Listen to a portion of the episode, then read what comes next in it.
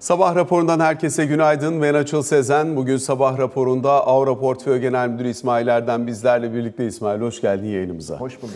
Şimdi bir taraftan iç gündeme bakıyoruz. Seçime gene birkaç gün kaldı. Dolayısıyla bunun öncesindeki yatırımcı pozisyonlanmasını bir miktar değerlendirmeye çalışıyoruz. İki, seçim sonrasında ne olursa ne olur biraz buna dair senaryo çalışması, geleceğe dönük yatırım projeksiyonlarını yaparken önemli belirleyici. Keza şirket yönetirken de neyin ne olacağına dair bir kanı varsa bunlar da belirleyici oluyor. Bununla birlikte yine belki biraz yurt dışına dönüp baktığımızda da Amerika Birleşik Devletleri'nde borç tavanı ile ilgili yaşanan gelişmeler buradaki e, pazarlık masası diyelim çok önemli. E, bir taraftan bunu izliyoruz, takip ediyoruz. Öte yandan da e, bir resesyon kaygısı ve korkusu eşliğinde dün iki tane Amerika'daki bölgesel Fed başkanından birinden iki faiz artırımı beklediğine dair, diğerinden sıkılaşmanın devam etmesi gerektiğine dair ifadeler duyduk. Dolayısıyla bunların eşliğinde yurt dışı piyasalarda kendine yön bulmaya çalışıyor. Biz istersen öncelikle bir miktar bizim tarafı konuşarak başlayalım. Vakit kaldığı ölçüde yurt dışına da bakarız. Zira e, Türkiye açısından önemli Cumhurbaşkanlığı seçimi. ilk tur seçimlerde zaten e, parlamentonun sonucunu görmüş olduk. Şimdi ikinci tur seçim gerçekleşecek buna dair değerlendirmeyi yaparken ön plana çıkacak olan e, potansiyel senaryoları biraz tartalım. Borsada nispeten zayıf bir görünüm var. Kurda bir yukarı yönlü hareket var. Bugün e, Asya işlemlerinde 19.90 görüyorum ben. Hatta bir miktar e, sekmelerde oluyor ama sonuç itibariyle kur yükseldi. Euro TL'de 21.75'ler seviyesine kadar gelmiş durumda. Bir seçime kadar bu hareketin nasıl şekillenmesini beklersin hem kur hem de aynı zamanda borsa için. Bir kere şunu düşünüyorum. E, seçimden önce pozisyonunu alacak olanlar büyük ölçüde almış vaziyette. Yani hangi pozisyon olursa olsun ben seçimden önce dolarda olacağım, borsada olacağım, artık varsa TL'de olacağım diyen pozisyonunu almış vaziyette. Şu anda piyasayı etkileyen daha çok böyle o marjinal, ilave bir ufak bir pozisyon daha alsam mı almasam mı diyen oyuncular. E, muhtemelen seçime kadar gelecek haber akışına bağlı olarak e, devam edecek. O da şöyle ki eğer Millet İttifakı'nın kazanma ihtimalini arttıran bir takım haber akışları gelirse muhtemelen borsa için olumlu olacak. Cumhur İttifakı'nın kazanma ihtimalini ön plana çıkan haber akışı biraz daha yatay. Çok düşeceğini de zannetmiyorum. Zaten düştü düşeceği kadar borsa. E, fakat seçimden sonra da her kim gelirse gelsin bir rahatlama olması, e, bir miktar bir rahatlama ralisi olma ihtimalini yüksek görüyorum ben borsada. Kur tarafı daha karışık tabii. Kurda malum e, kuru sabit tutabilmek için sürekli döviz satıyor Merkez Bankası ve başka kamu kuruluşları artık orada çok da şeffaf bir durum da yok ama en azından net rezervlerden satıldığını açık bir şekilde görüyoruz. E, bu baskı seçimden sonra bir şekilde ortadan kalkacak ama eğer Cumhur İttifakı başa gelirse muhtemelen çok daha zamana yayılarak bunu e, ortadan kaldırmak için bir çaba olacak diye düşünüyorum. E, Millet İttifakı gelirse belki biraz daha az ve hızlı bir devalüasyon ve ondan sonra açıklanacak olan ekonomik tedbirlerle birlikte bir miktar daha güvenin geri gelmesiyle e, denge bulan bir piyasa oluşabilir diye düşünüyorum. Şimdi e, özellikle e, bir miktar bu dönemde alınmış olan önlemler ve bunların etkilerine de bakmakta fayda var sanıyorum. İlk tur seçimler bittikten hemen sonra Merkez Bankası tarafından atılmış adımlar var. İşte dövize yönelimi, altına yönelimi engelleyebilmek için hem kredi kartının nakit avansının önlenmesi hem aynı zamanda kredi mevduat hesaplarına getirilmiş olan ek limitlerin geri çekilmesiyle sonuçlanan bir kısıtlama önlemi, bir de kredi büyümesini engelleyici düzenleme. Şimdi bunlar seçime kadar geri çekildi. Seçimden sonra geri gelme ihtimali düşünüyor musun bunlar için? Eğer Cumhur İttifakı e, devam ederse büyük ihtimalle gelebilir. Yani bu enteresan bir durum çünkü buradaki hedef işte TL'leşmek, liralaşmak, liraya talebi arttırmak. Ya da benim, dövizleşmeyi engellemek. Evet, evet ama benim gördüğüm bunun sonucunda geldiğimiz noktada bu kadar şu andaki kadar dolarize olmuş bir e, herkesin gidip dolar altın almak için birbirini yediği bir ortam valla ben hiç görmedim. Yani 2000 krizinde bile yoktu bu açıkçası bu derecede. Aslında müthiş bir dolarizasyon oluştu sektörde ve her şeyin fiyatlaması yani Türkiye finans sektörünü kastediyorum kast sektör derken bunun geri dönüşünün nasıl olacağını hep beraber göreceğiz. Tabii bu tedbirleri muhtemelen tekrar getireceklerdir seçimlerden sonra ama öte yandan da büyük ihtimalle daha sürdürülebilir bir ekonomi politikasını açıklayacaktır veya o doğrultuda adımlar atacaktır diye düşünüyorum ben Cumhur İttifakı. Çünkü mevcut yapının çok sürdürülemeyecek olduğu artık çok aşikar. Burada sürdürülememe varsayımının altında yatan rakamlar, parametreler neler bir onları sormak Tabii isterim. bir kere her şeyden önce e, döviz rezervinde ciddi bir eksideyiz ve eksi daha da eksiye giriyoruz. Artık altın satmaya başladı Merkez Bankası. E, kredi tarafında bankacılık sistemi tamamen kilitlenmiş vaziyette. Şu anda e, herhangi bir işe kredi bulmak çok güç, makul şartlarla bulmak çok güç. E, bankalar zaten attıkları her adımda bir mevzuata e, çarpıyorlar. Normal bir bankacılık faaliyetini yapmak isteseler serbest rekabet ortamında mutlaka bir mevzuatla ya regüle ediliyor ya engelleniyor ya sınırlanıyor. Yani e, başka bir deyişle iş yapmak çok zor hale geldi bankalar için. E bu da ekonominin aslında can damarı, bankalar can suyu, işte şirketlerin iş yapabilmesi için, likiditenin dönmesi için e, en önemli e, sektör. Bu durumun değişmesi lazım. Bundan dolayı sürdürülemez olduğunu düşünüyorum. Döviz tarafı, tabii döviz tarafında da ciddi sıkıntı var ama döviz tarafında şu var. Beklentilere çok pahalı bir şey. Yani seçimden sonra bütün dünyaya, yabancı yatırımcıya, yerli yatırımcıya güven veren, şöyle birkaç yıllık herkesi rahatlatacak bir ekonomik program açıklansa, bu rezervler yavaş yavaş toparlanır. Piyasalar hep uzun vadede beklentiyi satın alıyor. Şu andaki sıkışıklığın sebebi önümüzü görememek. Yani demek istediğim şey rakamlara baktığımızda ciddi bir eksi rezerv var. Bu hiç parlak bir durum değil. Fakat beklentiler olumluya dönerse bu durumun toparlanma ihtimali çok daha fazla. Bu noktada bir kur korumalı mevduat 120 milyar dolar seviyesine doğru gelmiş durumda. Diğer taraftan döviz tevdiat hesapları da zaten e, hemen hemen buna benzer bir seviyede. Tabii Türkiye'deki toplam mevduatların içerisinde bu ikisine baktığımız zaman dövize ya da iltisaklı olan e, varlıklar üzerinden yekün bayağı artmış görünüyor. E, burada nasıl bir tablo beklenebilir bundan sonrası için onu da sormak istiyorum. Çünkü özellikle dövize gidişi engelleyebilmek için bankalara çok doğrudan gerekiyorsa faizi artırın, gerekiyorsa getiriyi artırın ama dövize gidişi engelleyin gibi bir e, hani dönüşüm hedefini de bunun içerisine kattığımız zaman doğrudan telkin tırnak içinde yapılmış oluyor. E, kur korumalı mevduatta buraya kadar gidiş hani bunun sürekli kendini besleyerek devam etmesi e, ne kadar avantajlı ne kadar riskli? Önemli bir risk. Bu hatırlarsın kur korumalı mevduat ilk çıktığı zamanlardan beri e, söylediğimiz bir şey. Bundan çıkış çok güç. Bu böyle kendi kendini besleyen bir e, bir yapı ve e, giderek bağımlı hale getiriyor o sistemi kendisine. Bundan çıkış da çok kolay değil. Bundan çıkış ancak gerçekten vatandaşların, e, piyasa aktörlerinin Türk lirasına samimi bir şekilde güveninin gelmesiyle olabilecek. Yani insanların ya tamam ben paramı işte kur korumalı da 100 liram dönüyor. Hadi bunun 30 lirasını da TL faize yatırayım demesiyle olacak olan bir şey veya bunu motive edecek bir takım mevzuatın gelmesiyle. Yoksa bir günde ben bunu çevirdimle bu olmaz. Mümkün değil öyle bir şey. Bir de tabii burada meblağ arttıkça çevirmek gereken e, miktar sürekli olarak artıyor. Tabii. Tabii. Ya aslında bu biz dolara yüksek faiz veriyoruz. Yani bu günün sonunda gel olan şey bu. Yani kur korumalı mevduat bunun bir finansal mühendislikle paketlenmiş hali. Şu anda yani, %30'un üzerinde faiz var evet, burada. Yani dolara çok yüksek faiz veren bir ülkeyiz şu anda. Olan bu. Yani bunu bunu yapacağımıza direkt kur korumluyu kaldırıp ilk baştan bahsedeceğim tabii. Dolara 2 puan daha fazla faiz verseydik belki şu anda çok daha iyi noktada olurduk. Böyle içinden çıkılamayacak bir sarmalın da içine girmemiş olurduk. Fakat demin dediğimi tekrarlayacağım. Beklentiler olumluya dönerse bu işlerin toparlanması çok daha kolay olur. Yani, Beklenti nasıl olumluya döner peki? Yani nasıl bir politika görürsen e, burada işlerin kere, normalleştiğini görürsün? Bir kere ekonomi yönetiminde bir e, kan değişikliğine ihtiyaç var.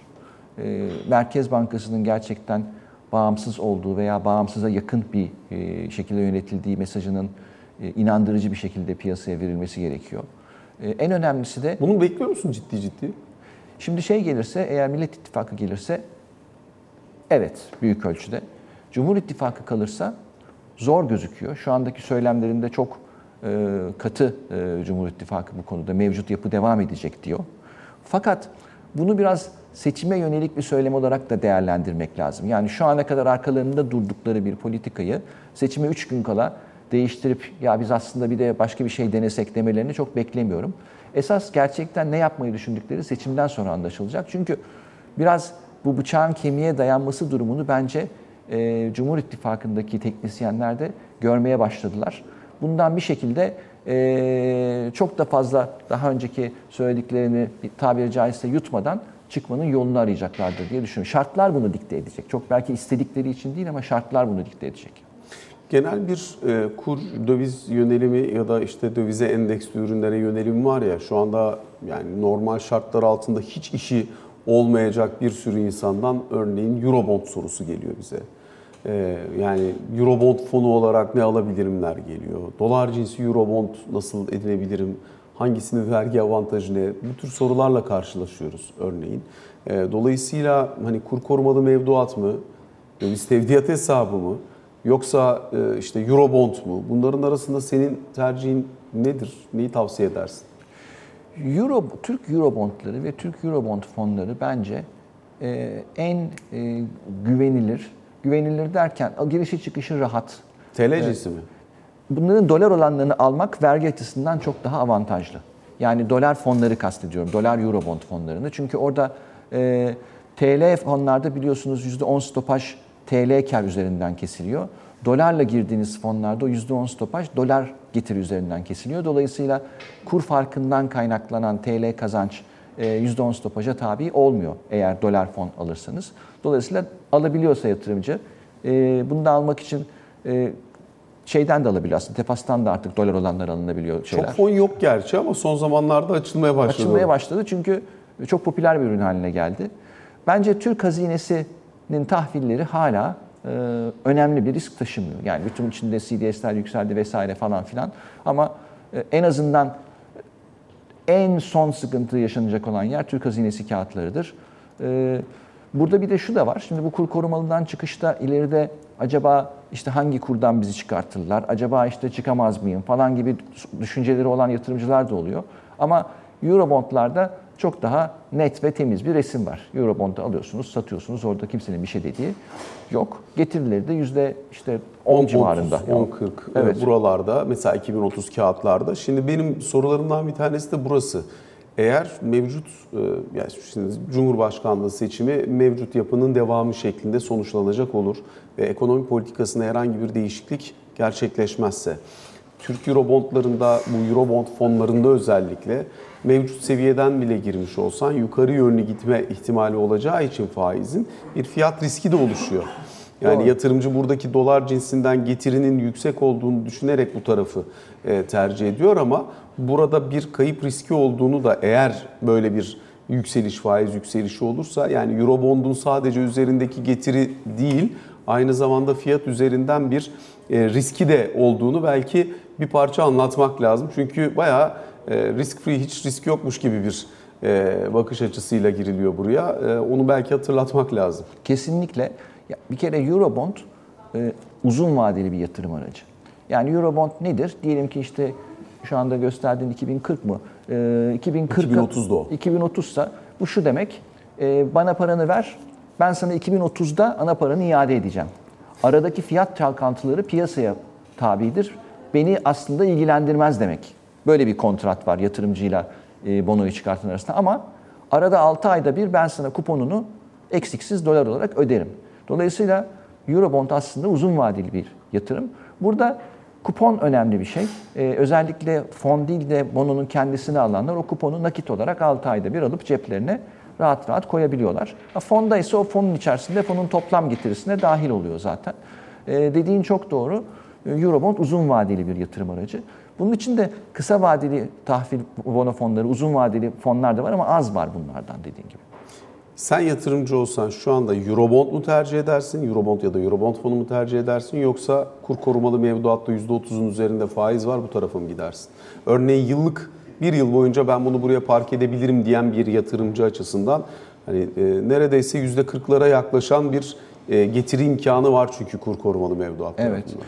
Kur korumalı da tabii açıkçası o da çok karıştı fakat bildiğim kadarıyla ilk baştan beri paranız dolar olarak geliyorsa yine dolar olarak aynı kurdan çıkabiliyorsunuz. Ama TL'den kur korumalıya dönüyorsanız hangi kurdan çıkacağınız konusunda bir e, orada bir soru işareti Giriş olabilir mi kuruyla diye. çıkış kuru arasındaki fark. Evet. Ona bakıyor zaten. Yani dolayısıyla o çıkış kurunda şu anda bankaların sattığı kurdan işte 2 20.90, 20, 21 falan gibi bir kurdan çıkmak var. Bir de Merkez Bankası kuru olan 19.80, 19.90 neyse artık. oradan çıkıyor. Oradan çıkma meselesi var.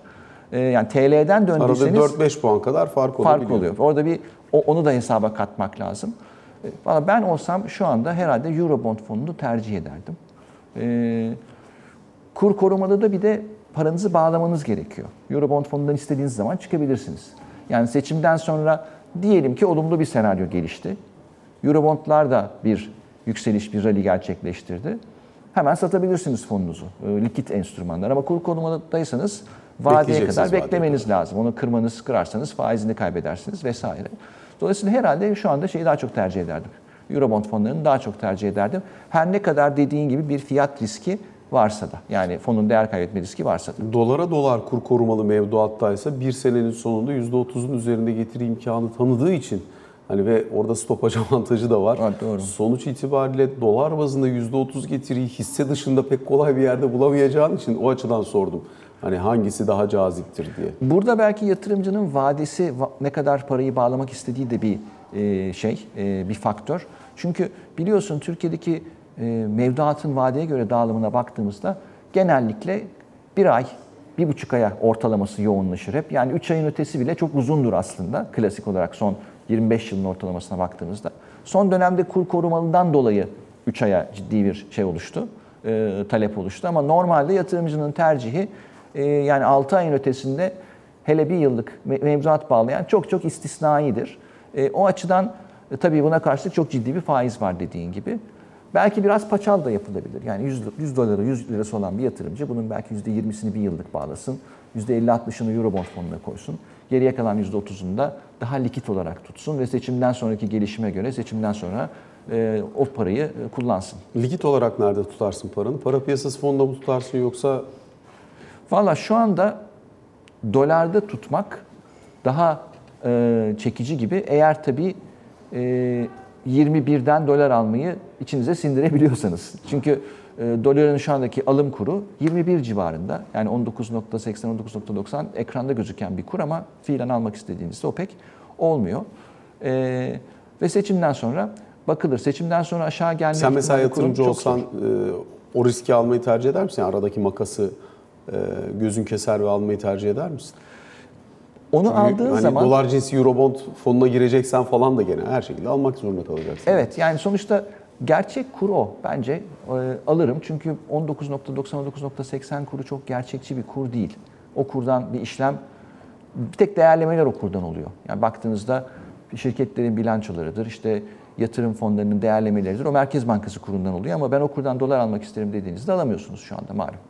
Dolayısıyla her şekilde eğer dolar almayı düşünüyorsan aradaki makasa bakmadan alırım diyorsun. Evet, evet. Yani çünkü fiyatı o. Yani şu anda dolar Türkiye'de kaç lira diye sorduğunuzda cevabı 20.90.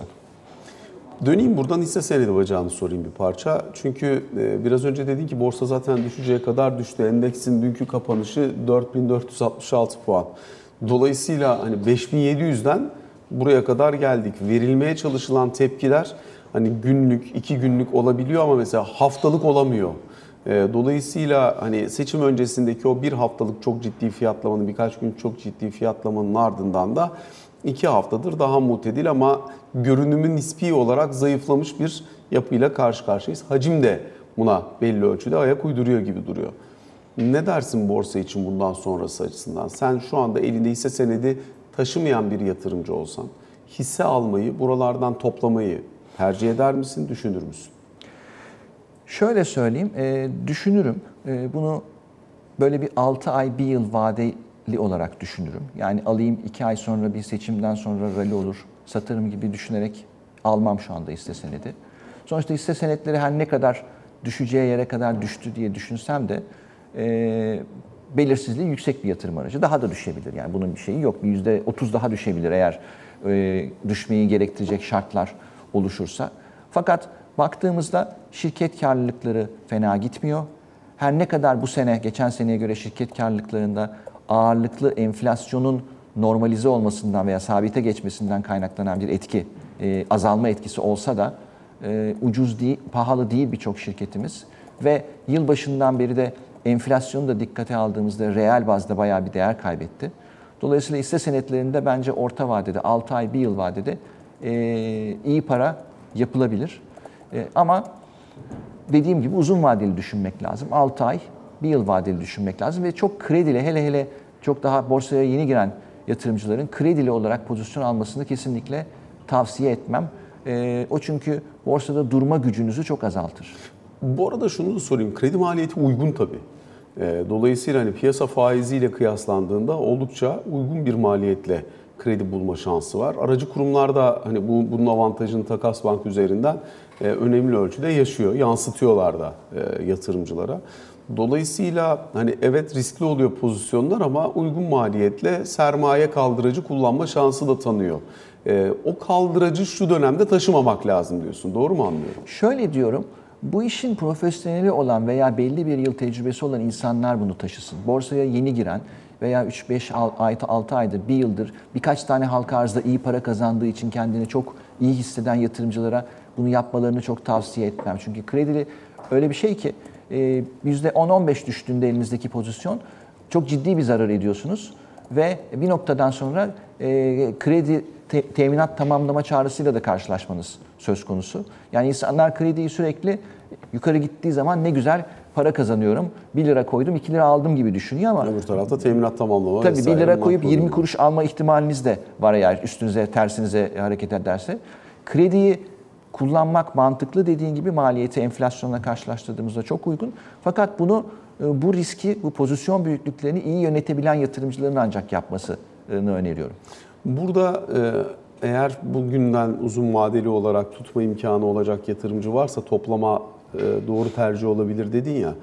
Burada neyi tutmayı tercih edersin? Çünkü son dönemde gelen raporlara baktığımızda örneğin banka hisselerinin çok fazla e, tercih edilmediğini, bankaların bilançoları tamamen politika aracı olarak kullanılıyor. Yani para politikası aracı olarak kullanılıyor. Hani buralardaki kısıtlamaları aşabilmek adına şu aşamada bulunan formüllere de kısıtlama geliyor. O yüzden hani bankaların yavaş yavaş model portföylerden çıktığını gözlemliyoruz. E, bir ekonomik yavaşlama beklentisi de varsa eğer o zaman sanayi tarafı da e, bir miktar zorlanabilir mi soruları geliyor bize. Bunların ikisini topladığında ne tutarsın elinde uzun vadeli, ne toplarsın? Ya şöyle söyleyeyim, e, mesela büyük holding şirketleri gayet iskontolu işlem görüyor, çok iyi yönetiliyor ve bu tarz ortamlarda yani böyle biraz belirsizlik ortamında hem farklı farklı sektörlere şey sağlıyor, erişim sağlıyor. Ee, işte belli başlı birkaç holdingimizin şirk hissesi bence şu anda gayet uygun alıma. Alıp onları tutardım. Ee, şimdi tabii bir yavaşlama beklentisi var. Bu içinde bulunduğumuz düşük faiz, baskılı kur politikasının sonucu olarak bir ekonomik canlılık var ama bunun geri dönüşünde de bu yavaşlama gerçekleşecek büyük ihtimalle. Zaten piyasa da onu fiyatlıyor. Yani o yavaşlama gerçekleştiğinde e, çok çok daha fazla düşeceğimizi zannetmiyorum. Zaten önden şu anda büyük ölçüde onu fiyatlıyor, belirsizliği fiyatlıyor piyasa. E, ben bir miktar bankada taşırdım bu arada. Onu da söyleyeyim özellikle altını çizerek. Çünkü genellikle herkesin al dediği zamanda gidip bir şey aldığınızda çok para kazanmıyorsunuz. Genellikle biraz böyle bir gözden düşmeye başladığında ama iyi bir şirket, iyi bir banka, iyi bir kurum olduğunda o hisseyi çok ucuza alabiliyorsanız orta vadede 6 ay 12 ayda çok iyi para kazanıyorsunuz. Bu çok güzel bir nokta çünkü buradan sorabileceğimiz soru momentum trade edersin yoksa değerleme mi trade edersin? Değerleme olarak cazip ama momentumu bayağı kaybetmiş durumda. Momentumu yeniden kazanabilmesi için ne var elimizde senaryo olarak bankacılık adına? Şu anda yok. ve Çok fazla bir şey yok. Yani ama ucuz olması ucuz kalmayacağı anlamına gelmiyor ya. Doğru. O açıdan soruyorum. Doğru. Fakat şunu söyleyeyim. Bankalar e, bu ülke var olduğu sürece var olmak zorunda. E, ve makul bir kar ederek var olmak zorunda. Son iki yıldan beri bankalar aslında kar etmiyor. Yani o borsaya açıklanan enflasyon muhasebesi uygulanmamış karları çok bak, bakmanın bir şeyi yok. Orada e, yani 100 lira paranız varsa 60 lira para kazanıyorsanız ne güzel kar ettim diye gözüküyor banka. Enflasyon %80. Aslında sizin 100 liranız 180 lira olması gerekirken 160 lira olmuş. 20 lira zarar etmişsiniz aslında. En basit mantığıyla bunun şeyi bu. E, dolayısıyla şunu demek istiyorum. Bankaların bu noktadan sonra bir miktar rahatlamaya ihtiyacı var ve bunu bence e, düzenleyiciler yavaş yavaş vermek zorunda kalacaklar. Çünkü bankalar sisteme kredi vermeden ekonomide bir toparlanma, refahın topluma yayılması pek mümkün değil. Ama kredi verdiklerinde de negatif marjda veriyorlar. İşte bu bunun dönmesi lazım. Yani bu zaten şu anda şunu konuşuyoruz. Seçimden sonra daha sürdürülebilir bir sisteme geçecek miyiz yoksa geçmeyecek miyiz? Ee, ben geçme ihtimalimizin çok daha yüksek olduğunu düşünüyorum. Geçmezsek sonucu ne olur? Va pek iyi olmaz. Sonuçta bankalar zarar etmeye devam eder, ekonomi ciddi daralır. Ee, Türkiye'ye yurt dışından sermaye pek girmez ee, ve bu da fark edilir yine karar vericiler tarafından ama geç olmuş olur, geç fark edilmiş olur. Yabancı katılım bekliyor musun bir noktada piyasaya? Seçimden sonra ne olacağına bağlı. Şu anda e, beklemiyorum. Eğer e, mevcut yönetim devam ederse şu son 6 aydır ne kadar katılım olduysa e, yine o kadar olur. Yani olumlu veya olumsuz manada yani olmaz. Onu demek istiyorum. Fakat bir politika değişikliği ortaya çıkarsa o zaman tekrar oturup bakılır. Bir de bu yabancı yatırımcı konusunda şunu söylemek istiyorum. Bu yabancı yatırımcı böyle Londra'da oturan bir tane adam var adı yabancı yatırımcı alayım mı almayayım mı diye karar veriyor gibi düşünmemek lazım. Yani dünyanın her yerinde çok farklı yatırım stratejileri olan fonlar, yatırımcılar, bankaların trading deskleri, aile ofisleri var. Yani yabancı yatırımcı çok farklı parametrelere de bakabiliyor. Yani işte Çin'in, Rusya'nın en kötü zamanında da oraya bir miktar yabancı yatırımcı giriyor. Bunu daha bir geniş perspektifle bakmak lazım. Yani dünyada bir takım kuant fonlar var tamamen rakamsal. Hiç siyasete falana bakmıyor. Adamın parametrelerine uyuyorsa tamam bana şu kadar milyon dolar al. Bu şekilde çalışan çok ciddi fonlar da var. Dolayısıyla bir yabancı yatırımcı trafiği olabilir ama böyle Türkiye işte popüler, e, dünyadaki en önemli yatırım ülkelerinden bir tanesi haline gelir mi sorusunun cevabı şu politika setiyle biraz zor. Benim yabancı yatırım sorarken ki temel e, sorgu alanım daha çok oradaki iştah elbette önemli ve belirleyici ama bizim yurt dışına Türk lirası sağlamamız lazım ya yabancının gelip Tabii. Türk varlığı alabilmesi için swap yoluyla. Ee, burada e, bir risk var. Yani hem Türkiye'nin CDS'i yüksek hem aynı zamanda e, buralardaki swap maliyetleri oldukça yüksek. Dolayısıyla biz yurt dışına eğer TL sağlayacaksak ancak bir giriş olabilir. Ben bu TL'nin sağlanıp sağlanamayacağı açısından söylüyorum daha çok. Yabancı iştah elbette belirleyici de bu, bizim yabancıyı çekme iştahımız da çok belirleyici Bu dediğin çok doğru. Özellikle son 3-4 yıldaki uygulamalara bakarsak birkaç defa biz maalesef bile bile yabancının çok canını yaktık. Yani işte adam TL'yi almış, yatırımını yapmış. Yolun ortasında biz bu TL'nin faizini %20'den 2000'e çıkarttık dediğimiz hatırlarsan günler, geceler oldu ve e, bu tabii çok olumsuz bir hatıra yarattı. Türkiye'yi yakından takip eden, Türkiye'ye yakından e, sürekli yatırım yapan bir takım yabancı fonlar açısından. Bundan dolayı da biraz uzak duruyorlar. Sonuçta e, bir bakıma oyunun ortasında oyunun kurallarını değiştirdik. E, işte bazı bankalara falan böyle günlerce çok yoğun satışlar gelmişti hatırlarsın. E, bu algıyı tabii ortadan kaldırmak lazım. Bu da biraz ekip, güven verecek bir ekip. E, bu dinamiği anlayan ve yabancı yatırımcıyı samimi bir şekilde çekmek isteyen bir ekip ancak olur. İsmail Erdem çok teşekkür ediyoruz. Değerli görüşlerini bu sabah bizlerle paylaştığın için. Ben teşekkür ederim. İyi yayınlar diliyorum. Kısa bir aramız var. İkinci bölümde Ali Can Türkoğlu ile birlikte karşınızda olacağız.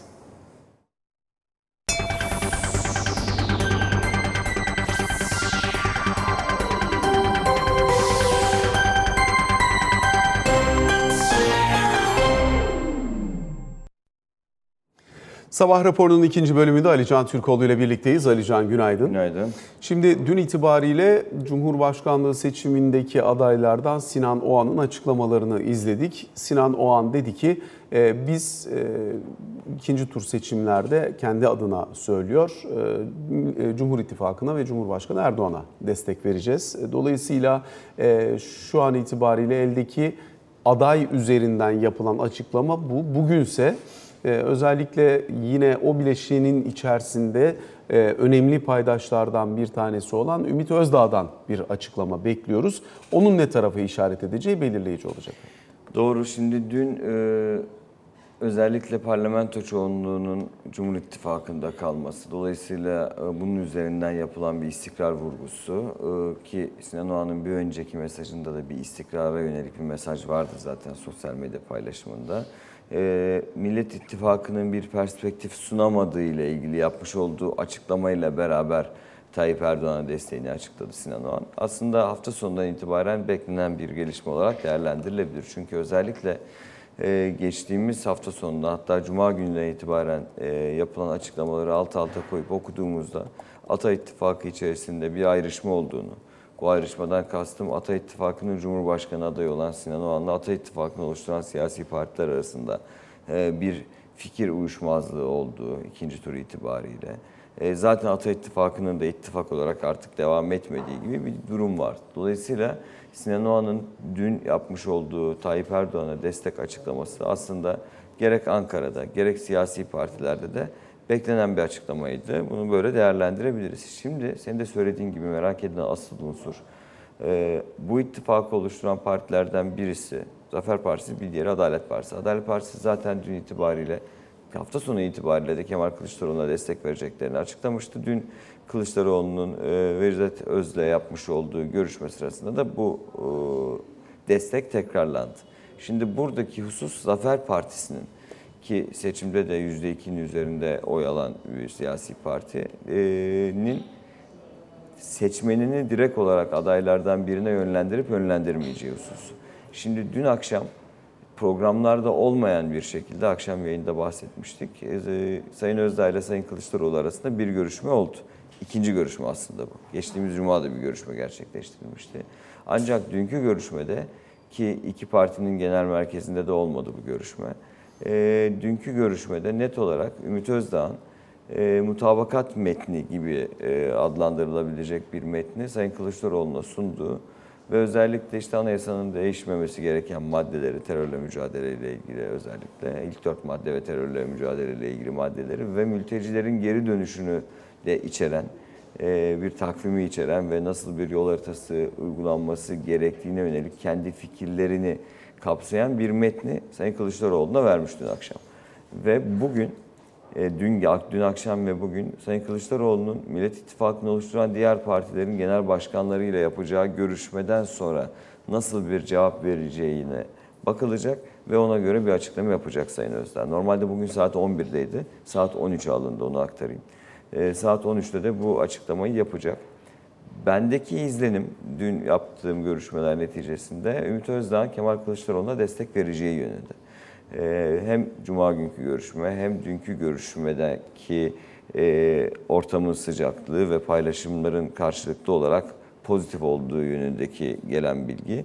Hem de dediğim gibi dün akşam itibariyle gerek e, iki partiden yetkililerle gerekse de Millet İttifakı'nın diğer siyasi partilerinden bir takım isimlerle yaptığım görüşmeler neticesinde edindiğim izlenim ee, Ümit Özdağ ve Zafer Partisi'nin bugün Kemal Kılıçdaroğlu'na destek verecekleri yönünde. Ama saat 13'ü beklemek gerekiyor. Bu arada e, muhtemelen sabah da görüşmeler yapılacaktır Kemal Kılıçdaroğlu ile diğer parti genel başkanları arasında. E, oradan farklı bir görüş, farklı bir söylem ortaya çıkar mı? Onu göreceğiz, bekleyeceğiz. Ama dediğim gibi izlenim olarak ben Zafer Partisi'nin Millet İttifakı'nın, daha doğrusu Millet İttifakı adayı Kemal Kılıçdaroğlu'nun yanında olduğunu söyleyebilirim şu an itibariyle. İşte böyle bir durum oluştuğunda ne olacak onu göreceğiz. Çünkü Sinan Oğan'a verilen işte yüzde beşin üzerinde oyun ee, ne kadarı Sinan Oğan'ın kendisine, ne kadarı Zafer Partisi'nin yönlendirmesiyle ve Adalet Partisi'nin yönlendirmesiyle bunlar seçimde biraz daha net ortaya çıkacaktır. Ama e, net bir şekilde bir ayrışma olduğu ki zaten daha öncesinde hem Sinan Oğan'ın hem Ümit Özdağ'ın açıklamalarında iki tarafın birbirinden farklı adayları destekleyebileceği yönündeki söylemlerini de tanıklık etmiştik.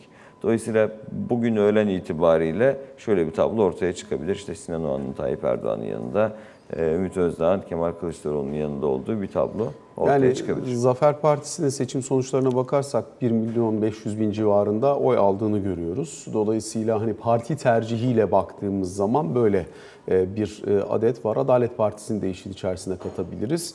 E, Sinan Oğan'ın kendisinin bir oyu var. Onu da denkleme katıp buradan ne çıktı üretileceğine bakmak lazım herhalde. Evet yani... 2 milyon 800 bin oyun 1,5 milyonu Zafer Partisi'ne de vermiş gibi anlıyoruz buradan. Yani şimdi Zafer Partisi kaynaklarına bakarsak zaten Sinan Oğan'ın verilen oyun çok büyük bir çoğunluğunun partinin yönlendirmesiyle oldu. Dolayısıyla partinin oyunun 1,5 milyon olması, Sinan Oğan'ın oyunun daha fazla olması e, bunun parti tarafından gelmediği anlamına gelmediği, bazılarının seçimlerde, parlamento seçimlerinde e, farklı ittifaka e, yön vermiş, oy vermiş olabileceğini söylüyor. Ama özellikle e, bu ittifakın kurulmasının ana sebebinin iktidarın yürütmüş olduğu bazı politikalara karşı olmak olduğu. Dolayısıyla aslında fikren e, bu ittifaka ve bu ittifakın adayına oy verenlerin tekrar hükümet karşısında yer alması gerektiğini vurguluyor Zafer Partisi kaynakları. Dolayısıyla şu an itibariyle tabii ki o aritmetiği göremeyiz. Ancak bir ayrışma olduğunu net olarak söyleyebilirim. Bugün 13'te Ümit Özdağ buna ilişkin açıklamayı yapacak. Alican teşekkür ediyoruz. Sabah raporuna böylelikle son noktayı koymuş oluyoruz. Hoşçakalın.